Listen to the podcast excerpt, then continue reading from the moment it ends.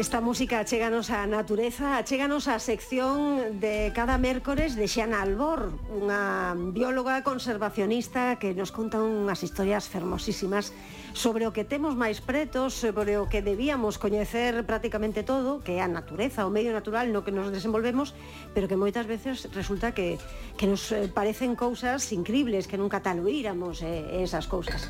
Que tal, Xana? Boas tardes. Moi boas tardes, Elena. Pois hoxe, polo visto, vai algo de fresco porque aquí non sentimos frío ningún.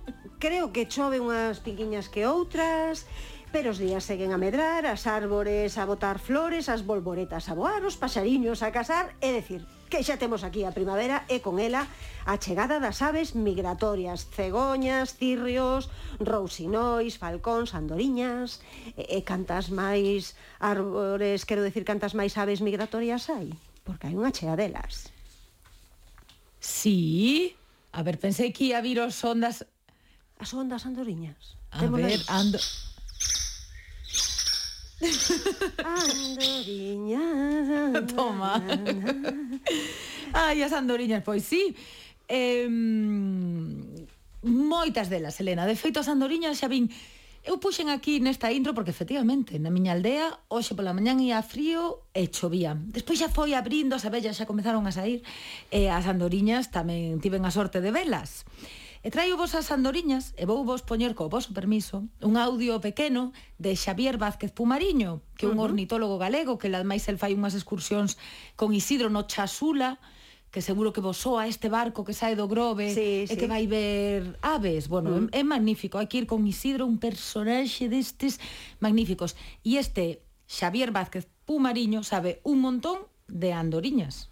Cando falamos de andoriñas, a xente en xeral pois coñece unha única especie, a andoriña común, que, que é coa que estamos máis familiarizados, porque cría precisamente dentro das casas ou dentro das cortes pero eh, realmente na Península Ibérica ou en Galicia atopamos ata catro especies máis, non?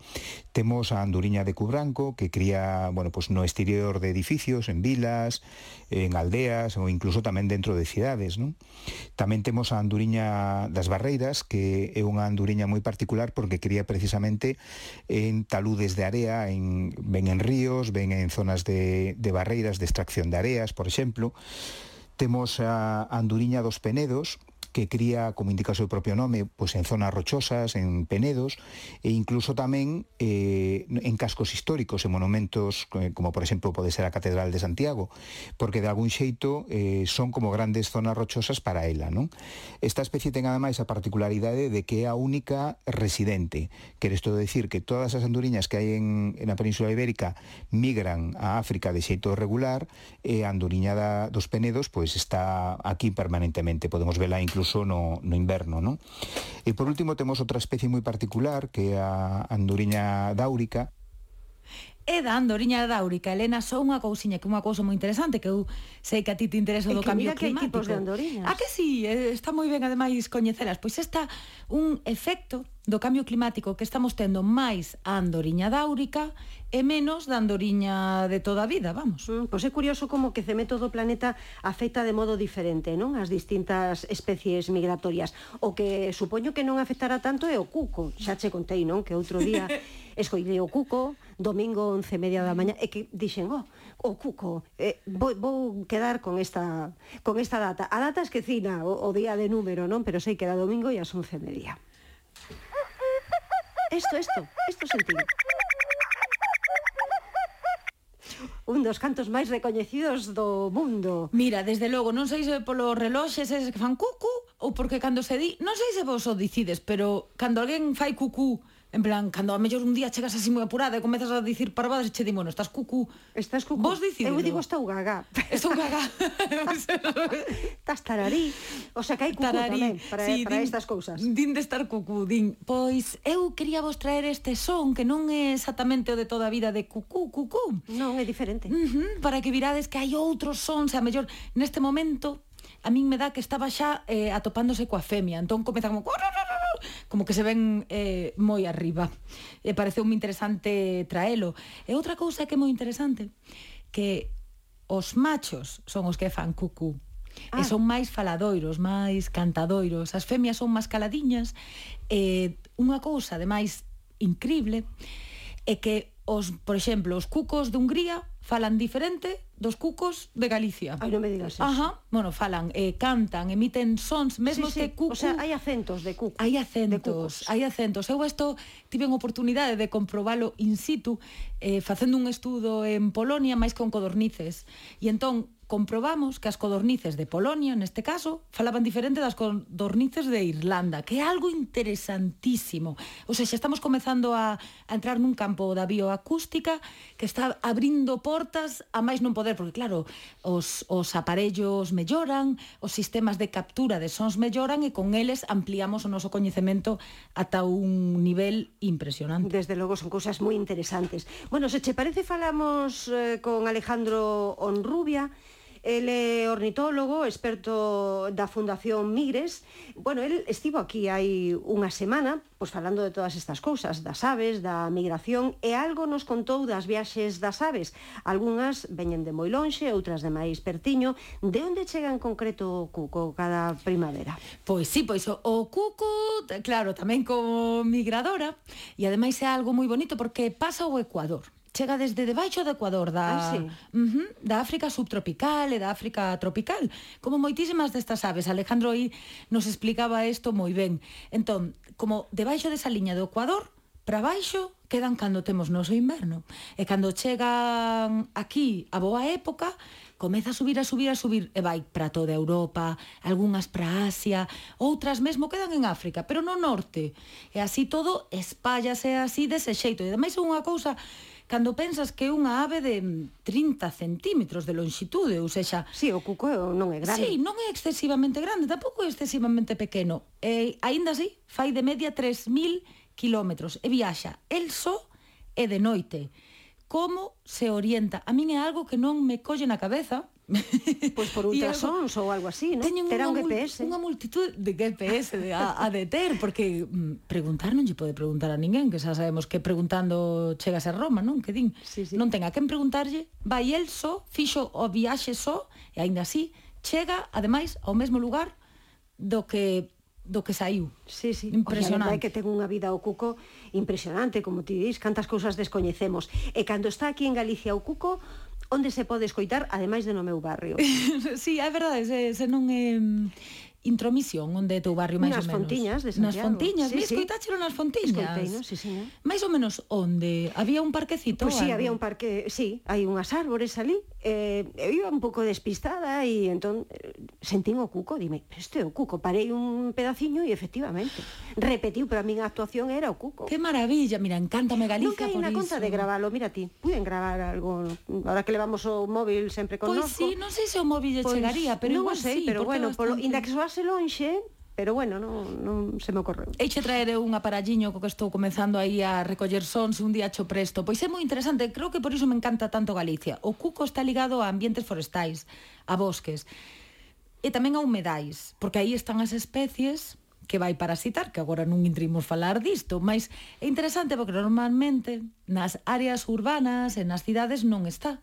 Pero claro, que Galicia realmente a nosa leira e os nosos parques son un monte. É sí, que é impresionante, sí. está como todo misturado e por iso me encanta e sorpréndeme, mira, pareceme moi interesante que os coitaras non Fontiñas, mais aquí en Galicia está prácticamente presente en, en toda a eh, comunidade, eh, nos bosques urbanas con que haxa pois pues, efectivamente un Eu non un pedazo te, non, non os coitara parque... nunca nunha cidade, eh, se che digo a verdad. Uh -huh. Eu sempre en bosque, en monte e perto de en humedais. Pois esa foi mm, a miña sorpresa. Eh, bueno, Cuco, como dixemos, é famoso polo seu canto, pero tamén porque ten un costume un pouco feo, non? É ocupa dos niños dos outros, non? É verdade, dos que a ti non paxaros. dos outros paxariños, que a ti non che gustou moito isto outro día, decías, "Ai, que horror, que horror, que horror", pero claro, temos que entender que foi o seu xeito. Todo o seu... está inventado, vedes? Os, Todo... os ocupas estaban inventados na natureza, eran os cucos. todo, pois todo casa, verdade, todo casa, verdade. porque hai que ser moi cuco tamén. Pois pero... sí. Ah, bueno, que din así, que que ven a querer dicir ser, ser cuco, moi cuco. Ser moi moi pillo, moi moi listuco, sí. Ai, sí. Sí, sí. Mira, meu pai o apodo era o alcume, era cuco. Era cuco. Non sei se sería, pois, en, en inglés dice cuckold como cando un home é cornudo. Ah. Chámaselle un cuckold. Cuckold. Uh -huh. Ben por isto do paxariño. O cuco é moi, a ver, Ten sentido que lle chamen intelixente a alguén, ou seja, que chamen cuco a alguén intelixente porque din que estas aves, que son parásitas de niños, parásitas de cría se chaman, uh -huh. que procuran simplemente o parasitismo no momento do niño. Son moi intelixentes, teñen unha intelixencia, ou seja, amosan esta intelixencia. Eh, aquí en Galicia, o cuco maiormente vai poñer os seus ovos en niños, por exemplo, da folosa das canaveiras. Esa é a folosa. Esa é a folosa que lle chaman eh, carricera, por se alguén aí, porque este e tamén en niños, que xa o coñecemos moi ben, do papo rubio. Mira, ten un dos cantos máis bonitos do mundo. Eh, mas non son estas, mira, vai procurar a mellor ata 100 especies diferentes. E xa, mira, isto é... A min boa má cabeza, igual me, má boa demais, Mas pensade, a ver, como vai facer o cuco? Pois está a femia do cuco aí espiando como fan os ocupas que colocan papeliños nas portas sí, para saber sí. cando marchan, pois o cuco que vai estar ese espiando. A cuca neste caso está é a espiando. que está Está aí como esquivillando, non sei. atenta, a ver que fan os, os pais do niño, que xa teñen todo preparadiño, seu niño precioso.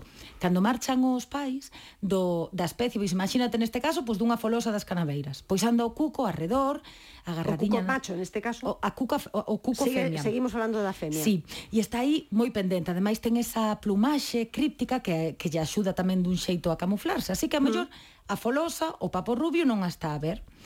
E ademais ela non canta, está caladiña nese momento. Sí, sí. E nese momento, cando marchan os pais, ela vai rápido e colócase no niño. Nese momento colle co seu bico un dos niños que xa puxo a folosa ou o papo rubio, imagínate, o colle no bico. Nese momento, ras, choca, ou sexa, pon un ovo a, a femia cuco e marcha. En 10 segundos xa deu o cambiazo a unha velocidade impresionante. O sea, colle un ovo e, e, e sí, deixa o seu. E, e que o colle no bico, ademais. Pensa en, en ese esforzo, ten que estar pendente de que non volten. Pim, pan, apóyase no niño, coge co seu bico, ras. En ese momento coloca outro ela e rum, marcha voando. Marcha voando e deixa ali o, o ovo. E deixa así o ovo. E di, bueno, xa me criará o fillo, xa virei cando se E Elena, isto ainda non... Cando feita a carreira. Exacto, pero que isto non acabou. É que cada femia de cuco parasita a unha especie diferente. Entón, se a femia do cuco pon o ovo nun niño de papo rubio, o seu ovo vaise parecer na forma, na cor, no tamaño, a ovo do papo rubio. O e sea, se o deixa ten maneira, brutal. Ten maneira, digamos, de transformar o ovo que Ajá. ten dentro para que sexa pois, dunha cor tal ou cual, sí. un pouco máis grande, un pouco máis pequeno. Sí, sí, mas isto vai ser por... Ou sexa, é como se esta femia cuco vai parasitar o papo rubio, sempre vai ir, quero dicir, vai ir sempre cara ao papo rubio, Ajá. porque os seus ovos van sí, os do papo rubio. Cada ano, ¿no? uh -huh. e, e, e, prácticamente todas as especies non o nota, porque se mirades pois unha imaxe, un vídeo, que hai un montón deles, e que son prácticamente iguais. O do cuco pode ser, porque ademais escolle especies pequenas, porque agora bueno, e case todas as aves non se dan conta. Sabedes quen sí se dá conta? Quen? A rula. Arrulo espabila. e que fai co, cos ovos Tira foráneos? inmediatamente. Ai, sí. uh -huh. É moi interesante tamén. Dame pois, pena, eh, os pobres. Bueno, ainda non chegou o peor, porque realmente os pais tanto lles dá, eles non van sufrir nada porque cando voltan, volta esta folosa, volta este papo rubio, volve e vai ver, ai, os meus oviños se colocan riba e chiqui chiqui comeza a chocar. E aí saen os poliños. O cuco sai primeiro, sai a mellor 4 ou 5 días, que os outros poliños. E no momento en que sae o cuque, o cuco, perdón, o cuco o polo.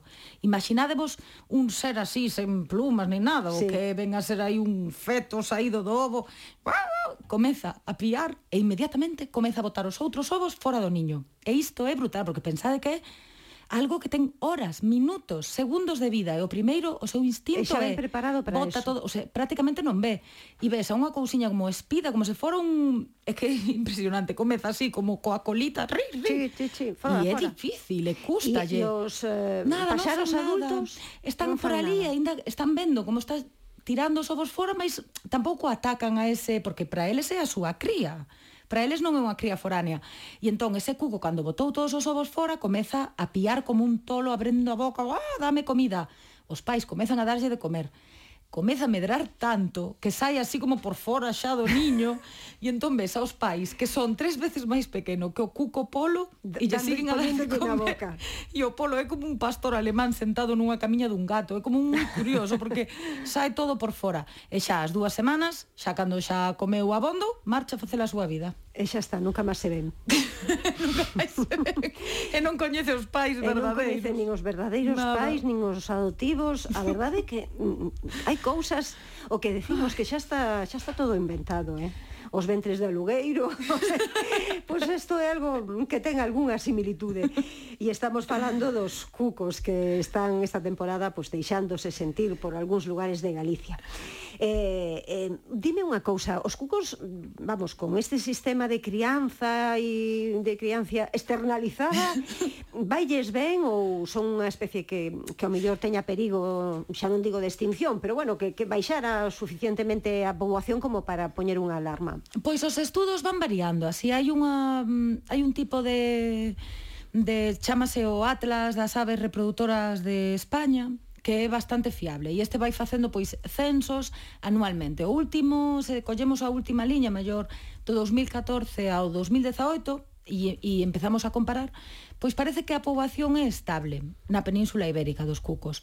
Mais hai áreas non é estable en todos os lugares da Península Ibérica. Por exemplo, en Cataluña disminuiu, uh -huh. en outras áreas diminuiu, en, en Galicia? outras aumentou. En Galicia, ao parecer, semella que está estabilizada. Está hai na que hai lugares nos que xa non cría. Porque claro, pois se non hai bosque, temos que pensar que o cuco precisa o, o seu xeito de vida precisa das especies nas que vai poñer o ovo para vivir Claro. O sea, o cuco non lle vai dar agora para aprender a... A, a, a poñer o niño non, el, a criar non pode, el, a claro, chocar non, el, non. Non lle daría tempo, entón precisa destas especies. E se si estas especies baixan as súas poboacións, inmediatamente o cuco tamén baixa. Logo outro, outro problema que pode ter pois lumes forestais, por exemplo, claro. desaparición dos hábitats, algo moi interesante, porque o cuco adulto alimentase principalmente de pois de bolboretas, eh, de escarabellos e moito da procesionaria do Piñeiro. Mira, non lle dá urticaria nin nada. Sí, sí. E é unha das presas que máis lle gustan. Entonces, os tratamentos que se fan contra a procesionaria afectan de xeito indirecto o cuco, porque claro, unha femia de cuco pode chegar a poñer 25 ovos. Uh -huh a súa técnica de un, un, un sí, entre sí, 12 sí. e 25. Ou seja, e, e claro, para poñer ovos, xa sabemos que as galiñas se non comen, non poñen ovos. Pois algo así tamén son o resto das aves. Así que eso son cousas, e despois unha cousa moi interesante que lle pode acontecer que mm, este tema do cambio climático podemos pensar, bueno, o único malo é o quencemento. Mais unha das peores cosas que estamos a ver é un desaxuste é como a Elena e Silvia, sodes amigas e queredes tomar un café, e sempre o tomadas as oito. E Silvia colle un traballo e non pode as oito. Deixades vos de ver. Claro. E vos xa non vos facedes amigas máis. Oh, entón... Silviña, claro, eso non quero, pena, eh. Non, tampouco. Tedes un desaxuste fenolóxico. E isto o que está acontecendo, por iso che dicía, a mí me gusta moito apuntar todo o que vou vendo, todo ano tras ano e levar esta fenoloxía, non, que se chama, uh -huh. como os acontecementos naturais, pois algo que sabemos moi ben é cando sae o sol, cando se pon o sol, eso non cambia, non? Sí. Pero hai cousas que sí que poden cambiar, pois a chuvia, mm, o vento... A falta de, de choiva, como houve este inverno. A eclosión da procesionaria. Uh -huh. Entón, as, a mellor se vai cambiando todo moito, pois as especies, por exemplo, o papo rubio se comeza a aniñar antes que o cuco comeza a poñer ovos, xa non van conseguir atoparse. Claro, xa non se, entón, o cuco non, se non vai... sincronizan. Mm, e isto é algo moi moi interesante, a verdade. Que vida ten o cuco? Estou me preguntando, se as mulleres pudésemos criar como os cucos, teríamos máis fillos ou menos? A ver, seguro que eso tamén o había antes, Habería máis non? Que se deixaban... Creo E antes non vos, a, non vos lembrades nas películas As que deixaban... de cría, por exemplo, falas sí, deso. Non, falaba de cando aparecían os fillos diante dos monasterios, sí. monasterios non, onde están as monxas. Houve fórmulas conventos. nos kibuz, por exemplo, israelís, pois tamén se creaba unha fórmula mediante a cal unhas persoas ocupábanse da crianza dos fillos de varios e esas outras persoas quedaban liberadas e así podían traballar en fin, son, son sistemas que en algo moi lonxano se poden asemellar ao do cuco. Que interesante. Bueno, se queres un, un menos agresivo, hai un pato na Argentina que fai o mesmo, coloca os seus ovos en niños de gaivotas, dunha gaivota. Mais o patiño, cando nace, ademais é precioso porque ves o patiño e a gaivota, os dous xuntiños, o patiño que mira se para a gaivota, en nada. en nada, e o patiño xa inmediatamente marcha non fai máis nada. Mira, esa é menos agresiva, seguro que che gusta máis. Sí, sí, sí. Pois pues. bueno, Xana, moitísimas gracias. Encantoume saber da vida do cuco e, e dese morro que ten para buscarse a vida que lle críen os fillos. El andar eh, libre, Por... libre, quero ser. Quero ser, quero ser Pero non é esa canción que nos trouxeches como despedida. Bueno, a próxima vez traio che os chichos. Vale, non sabía que che gustaran, a mí me encantan. Os que queiras. Libre, libre, quero ser, es de los chichos ou Ay, dos no me fagas preguntas complicadas. Libre, libre, Ou de rumba tres. ser. Dos O chichos. Dos É dos chichos. chichos. Sí, sí. Ves? Ela sabe o todo. Sí, non, San Silvia... O que ten. Pois a Vargas está soando. Pois sí, non soy de aquí ni de allá, como lle pasa os cucos, non son Sí. nin de África nin de Europa, de onde son? Dos dous sitios. Son do aire. Xana Albor, un bico enorme, gracias. Un bico, Elena, un bico, Silvia. Chao. y los amantes, pero no los señores. Me encanta ser amiga de los ladrones y las canciones en francés. No soy de aquí, soy de allá, no tengo edad ni por venir y ser feliz de identidad. No soy de aquí ni soy de allá, no tengo edad ni por venir y ser feliz es